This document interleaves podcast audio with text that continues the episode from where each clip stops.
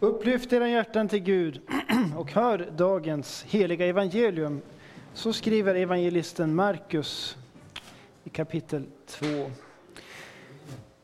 En sabbat gick Jesus genom några sädesfält och hans lärjungar började rycka av axeln där de gick. Då sa fariseerna till honom, se, varför gör de sådant som inte är tillåtet på sabbaten? Han svarade, har ni aldrig läst vad David gjorde när han och hans män var i nöd och blev hungriga? Han gick in i Guds hus på översteprästen Ebiatars tid och åt skådebröden som bara prästerna får äta och gav dessutom till dem som var med honom. Sedan sa han till dem, sabbaten skapades för människan och inte människan för sabbaten. Alltså är Människosonen Herre också över sabbaten. En annan gång gick Jesus till synagogan och där fanns en man som hade en förtvinad hand. De vaktade noga på Jesus för att se om han skulle bota honom på sabbaten, för de ville få något att anklaga honom för. Han sa till mannen med den förtvinade handen, ställ dig här i mitten. Sedan frågade han dem, är det tillåtet att göra gott på sabbaten eller att göra ont? Att rädda liv eller att döda? Men de teg. Då såg han sig omkring med vrede, bedrövad över deras hårda hjärtan och sa till mannen, räck fram din hand. Han räckte fram sin hand och den var nu återställd. Så lyder det heliga evangeliet. Lovad vare du Kristus. Nåd vare med er och frid från Gud vår Fader och Herren Jesus Kristus. Låt oss be. Ja, Gud vår Gud, till dig vi ser. Ge oss rik välsignelse. Låt ditt evangelium ljuda klart på alla rum. Låt idag ditt heliga ord göra under på vår jord. Våra arma själar föd, herde god med livets bröd. Amen.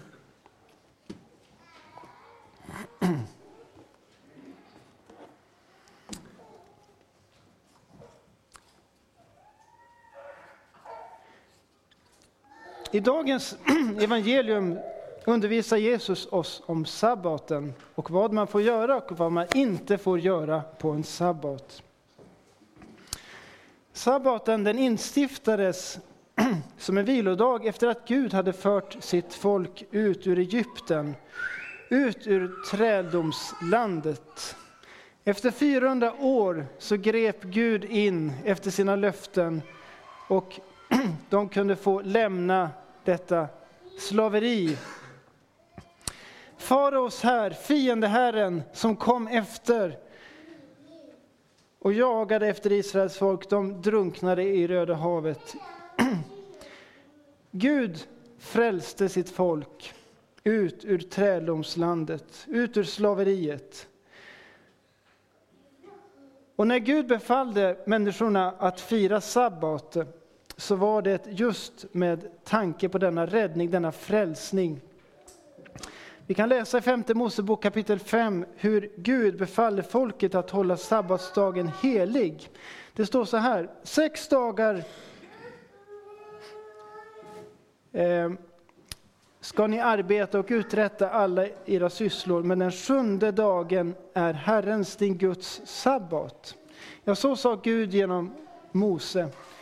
Då skulle de inte utföra något arbete, inte heller din son eller din tjänare, inte ens din oxe eller åsna. Allting skulle vara på viloläge. Och det motiveras på följande sätt. Kom ihåg att du var slav i Egyptens land och att Herren din Gud har fört dig ut därifrån med stark hand och uträckt arm. Därför har Herren din Gud befallt dig att hålla sabbatsdagen. Femte Mosebok 5, vers 15. Vad tänker du på när du hör ordet söndag? Fundera ett slag. Vad tänker du på?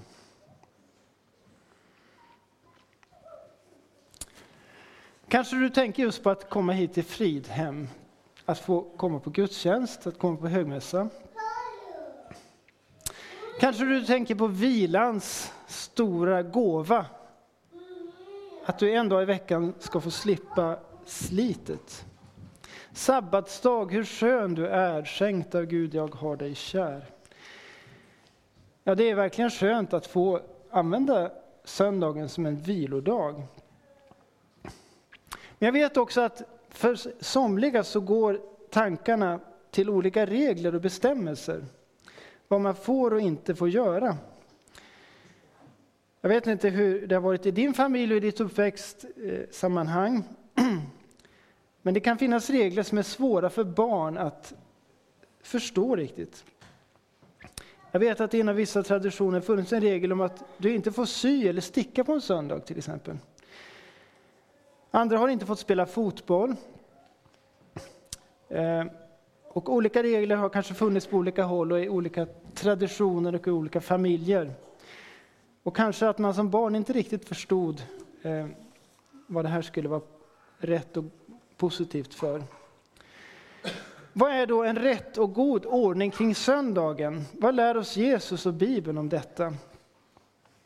Ja, innan vi går in på den saken så ska vi se lite närmare på sammanhanget i dagens text. För dagens text är insatt i ett sammanhang där Jesus flera gånger har blivit kritiserad för vad han har gjort och vad han har sagt. Han blir inte minst kritiserad för att han botar den förlamade mannen i Kapernaum.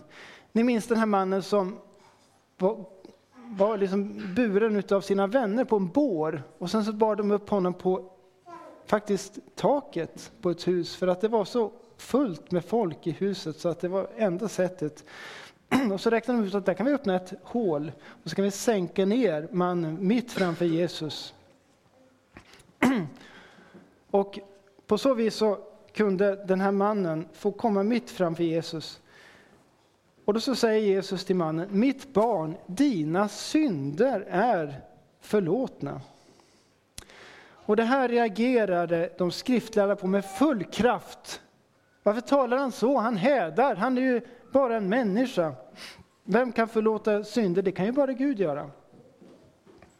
Här gör han sig till Gud. Det är kritiken.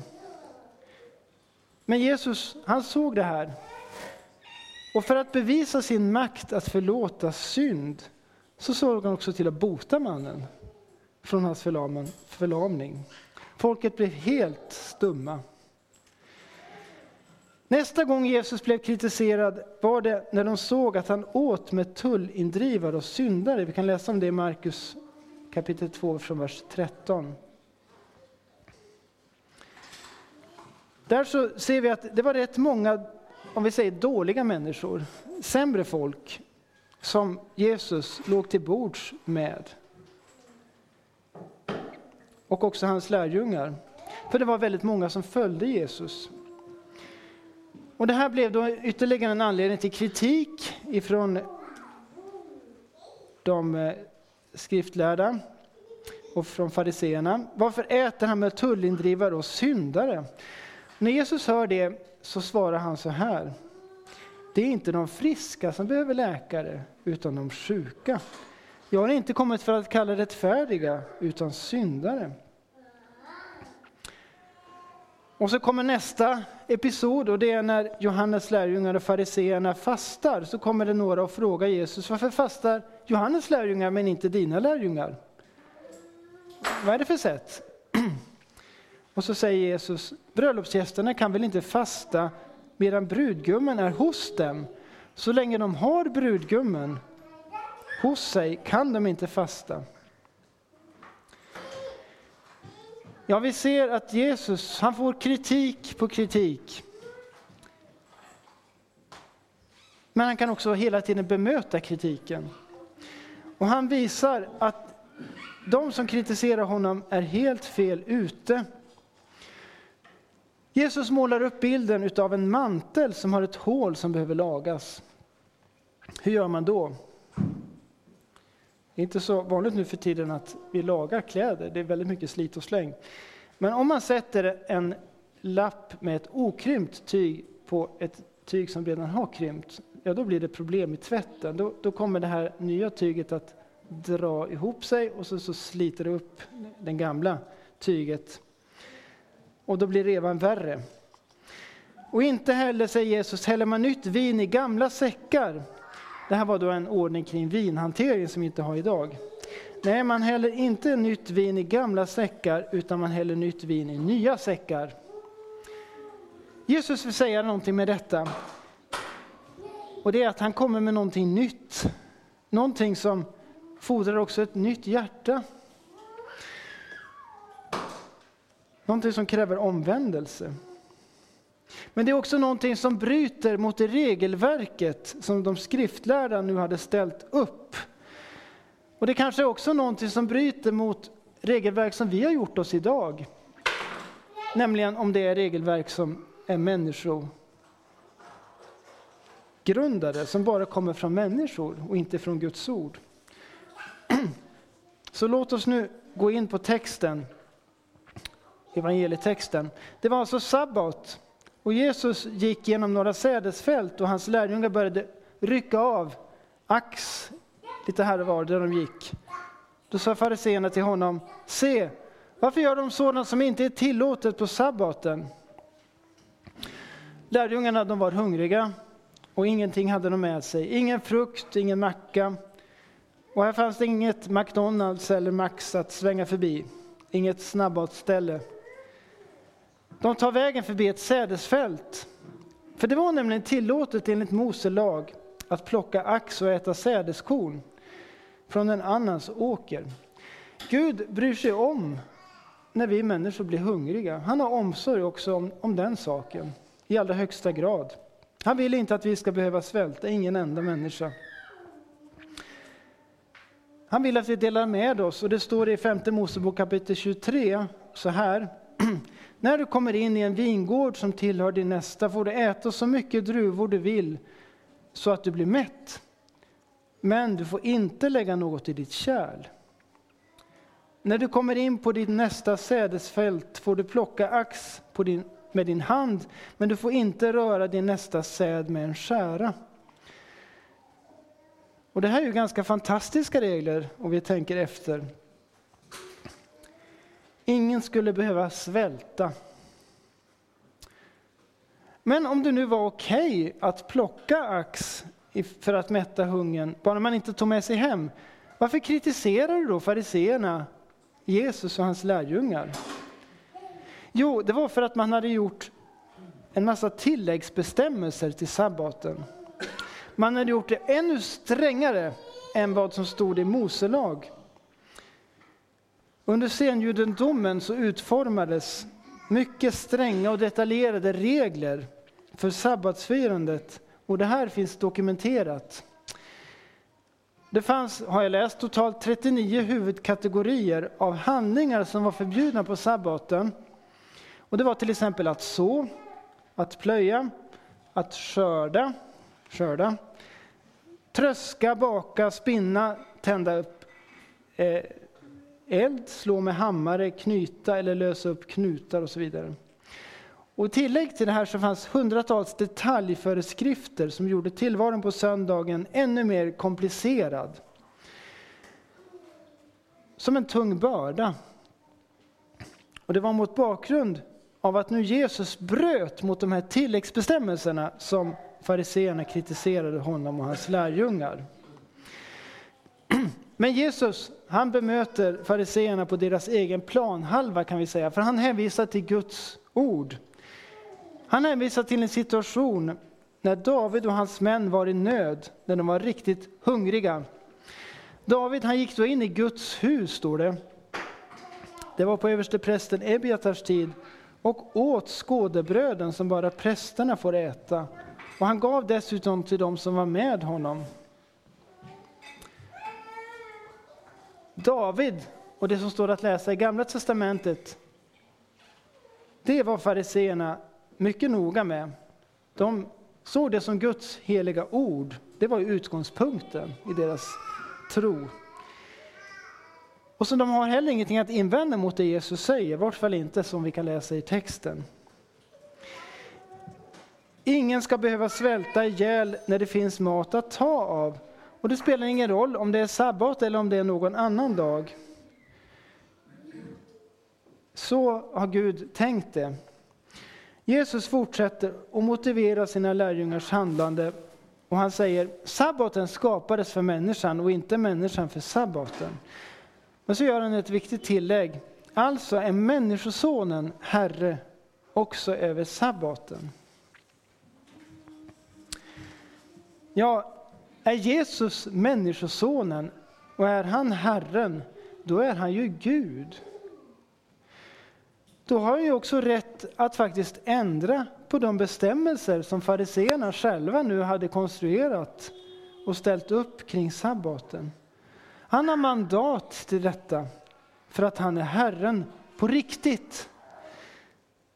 Och då är han också Herre över sabbaten. Det är lätt att tänka att Jesus var ute för att provocera. Att han för sakens skull ifrågasatte invanda traditioner och ordningar. Och många vill ju se Jesus som en politisk revoltör. Någon som rör om i grytan i positiv mening. Och det, även i dagens samhälle så kan Jesus få ett erkännande för just den saken. Men det var inte egentligen det Jesus kom med och hade som uppgift. Jesus han var född jude och det betyder att han även följde sabbatsbudet. Det ser vi i fortsättningen av vår text från kapitel 3. Där står det att Jesus gick till synagogan där de heliga skrifterna förelästes. Och det gjorde han just för att nu var det en sabbat. Och då brukade man gå till synagogan. Jesus han var mån om att göra detta. Han satt inte bara hemma och nonchalerade det här som någonting som tillhör det förgångna. Men just där i synagogan, där skulle hans lära om sabbaten ställas på prov. Och hur skulle det nu gå? Vad skulle hända? Men där var det en man som hade en förtvinad hand, ungefär så här, den bara hänger liksom. Har ni sett det barn någon gång? En människa som har en hand som bara hänger så här.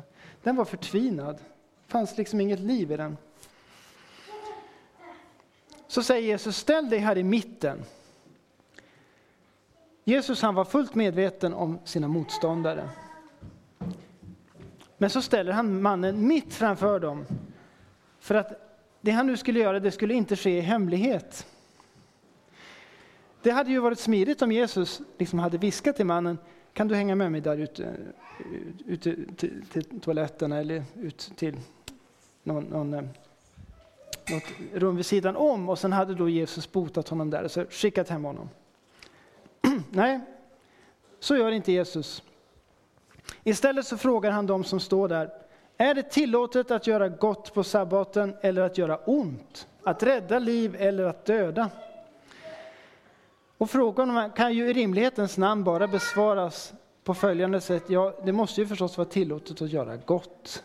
Det är ju det enda rimliga. Att rädda liv. Men så säger de inte. Det är ingen som vågar svara på Jesus fråga, utan de tiger. Kanske för att de vägrade erkänna Jesus och han hade makt till att göra. Kanske för att de var rädda för vad andra skulle tänka om de erkände Jesus. Det kunde de inte göra. De ville inte riskera sina vänner. Jesus såg sig om i vrede, står det. Han blev bedrövad över deras hårda hjärtan, över att de inte brydde sig om att göra gott och att rädda liv. Att deras sabbatsbestämmelser helt enkelt var viktigare än det som gagnade själva livet. Till mannen sa han, räck fram din hand. Och vad hände? Ja, den här förtvinade handen, den blev nu botad med en gång. Ett under skedde. Jesus hade botat mannen, han hade gjort honom frisk. Vilken lycka!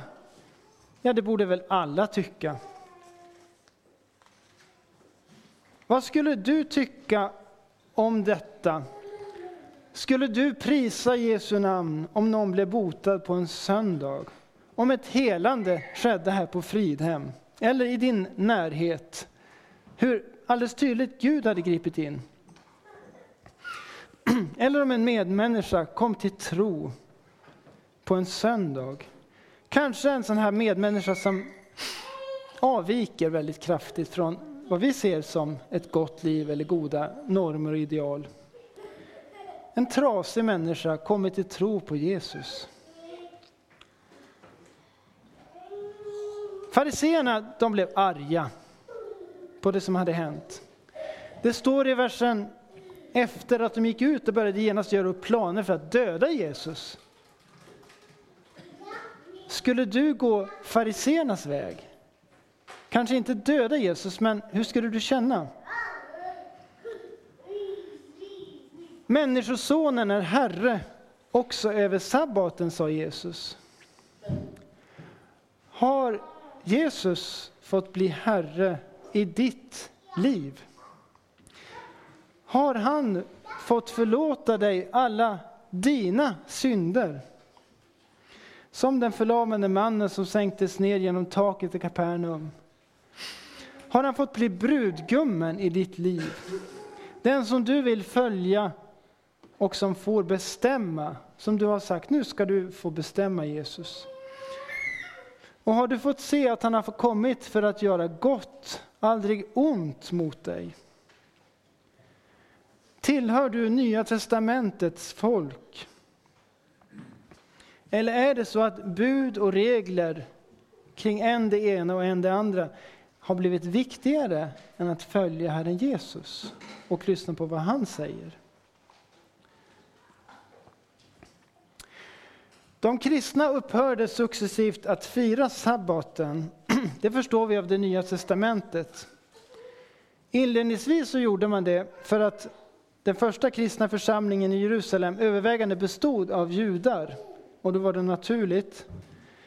Men redan i urförsamlingens tid började man att samlas även den första dagen i veckan.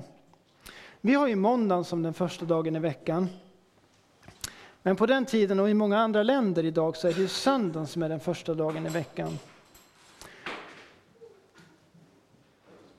Söndagen, samma dag som Jesus stod upp från de döda, Jesu uppståndelsedag, det är ju det vi firar.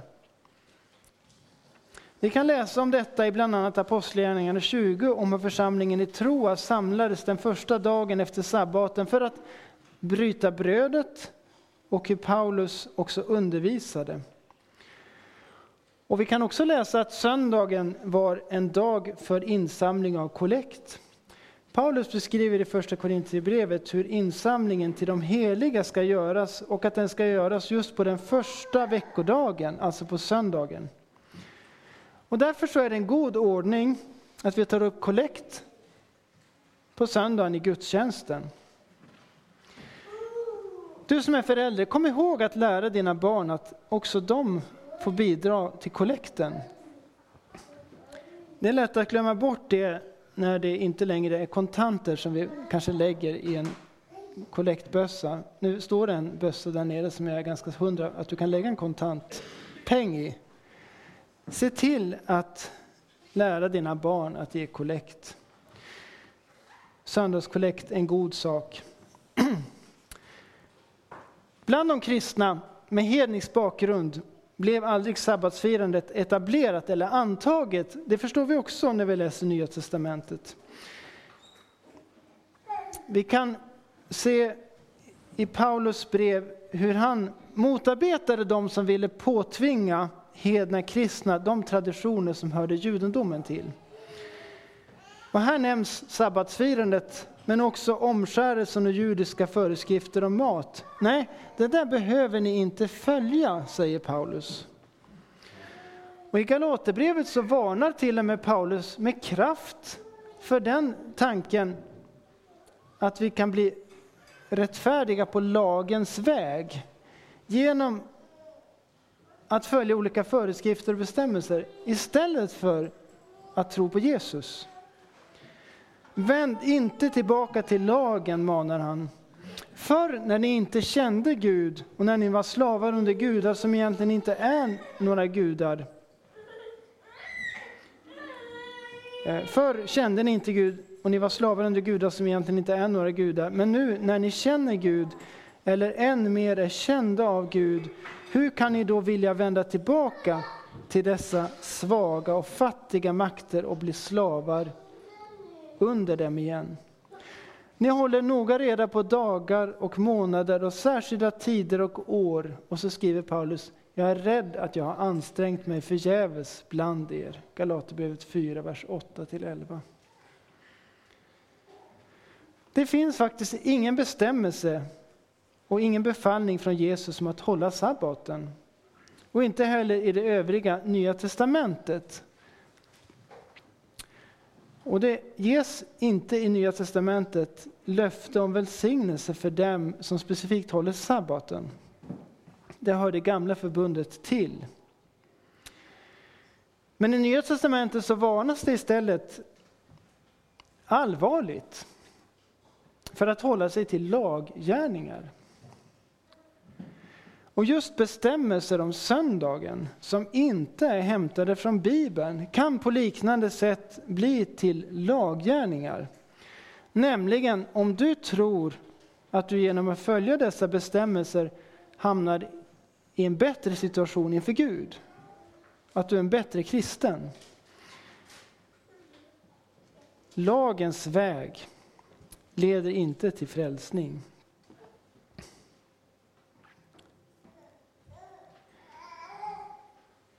Men vi kan å andra sidan lyfta fram faran med att inte samlas för att höra Guds ord på en söndag. Det här är lärjungen Thomas ett exempel på. Hur man kan gå miste om någonting viktigt om man inte infinner sig till att höra Guds ord. Jesus hade kommit mitt ibland lärjungarna samma kväll som han uppstått från de döda och Thomas han hade inte varit på plats, han hade missat detta helt enorma tillfälle. Och i Hebreerbrevet så manas vi till att inte överge våra egna sammankomster som en del har för vana. Istället ska vi uppmuntra varandra till att komma och höra Guds ord Synden har nämligen en stor makt och vill föra oss bort hela tiden från ordet och från Herren Jesus. Och vi får samlas då på söndagen till att höra Guds heliga ord. I glädje över att Jesus är uppstånden från de döda så får vi samlas. Men i Nya Testamentet, i de kristna källorna från de första århundradena finns det faktiskt inget som likställer våran söndag med den judiska sabbaten. Det var kejsaren Konstantin den store som instiftade lagarna om söndagsfirande och därmed införde söndag som en vilodag. Och vi har ju anledning att vara tacksamma för att söndagen också är en arbetsfri dag i vårt svenska samhälle som är så pressat och stressat på olika sätt. Men om du tror att du är en bättre kristen för att du håller vissa regler och bestämmelser på en söndag, så är du på en avväg. Har detta vuxit till en egenrättfärdighet, en självrättfärdighet i dig, ja då får du gå med den synden till Jesus och också bekänna det. Kanske att vi tittar också snett på varandra i det sammanhanget. Jesus han vill ta emot syndare och vi får bekänna för honom allt vad vi kan ha tänkt, talat och gjort om och mot vår nästa som inte är från, från honom. Paulus skriver i Kolosserbrevet kapitel 2. Låt därför ingen döma er för vad ni äter och dricker eller när det gäller högtid eller nymånad eller sabbat. Allt detta är en skugga av det som skulle komma, men själva verkligheten är Kristus. Sabbaten och bestämmelserna kring detta, det var en skuggbild av det som skulle komma. Om du går i solen mot ljuset och kanske ser skuggan av ett träd så drar du slutsatsen, här har vi ju träd som nu skuggar vägen framför mig. Och på samma sätt så är det med sabbaten. Den vila som då firades under gamla förbundets tid, frihet från arbete och möda och fokuset på Guds ord, det är ett förebud om vad som ska komma, den sabbat som väntar. Och ytterst är det den himmelska sabbatsvilan som vi väntar på. I Hebreerbrevet kapitel 4 så står det, alltså kvarstår en sabbatsvila för Guds folk. Den som går in i hans vila får vila sig från sina gärningar, liksom Gud vilade från sina. Låt oss därför sträva efter att komma in i den vilan, så att ingen kommer på fall som det och blir ett exempel på olydnad. Om din söndag får bli en påminnelse om den sabbatsvila som väntar Guds folk så är det välsignat och gott. Då har du verkligen firat en god söndag. Det tredje budet manar oss, tänk på vilodagen så att du helgar den. Och vad detta betyder för en kristen idag som lever i det nya förbundet, det har Luther förklarat på följande sätt. Vi ska frukta och älska Gud så att vi inte föraktar predikan och Guds ord utan håller det heligt, gärna hör och lär oss det. I Kristus får du hålla Guds ord heligt och höra det, särskilt på söndagen.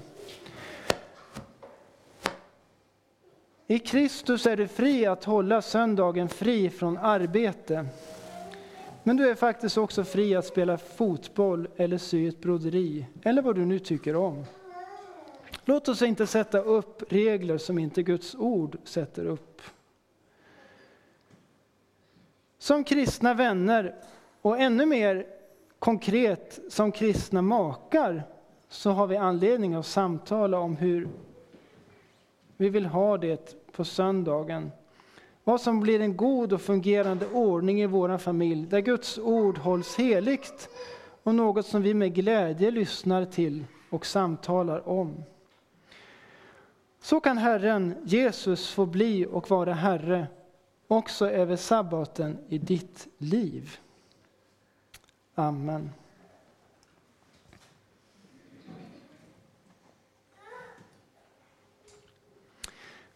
Lovad vare Gud och välsignad i evighet, som med sitt ord tröstar, lär, förmanar och varnar oss. Helige Ande, skriv ordet i våra hjärtan, så att vi inte blir glömska hörare, utan varje dag tillväxer i tro, hopp, kärlek och tålamod intill tidens slut och så blir saliga. Genom Jesus Kristus, vår Herre. Amen.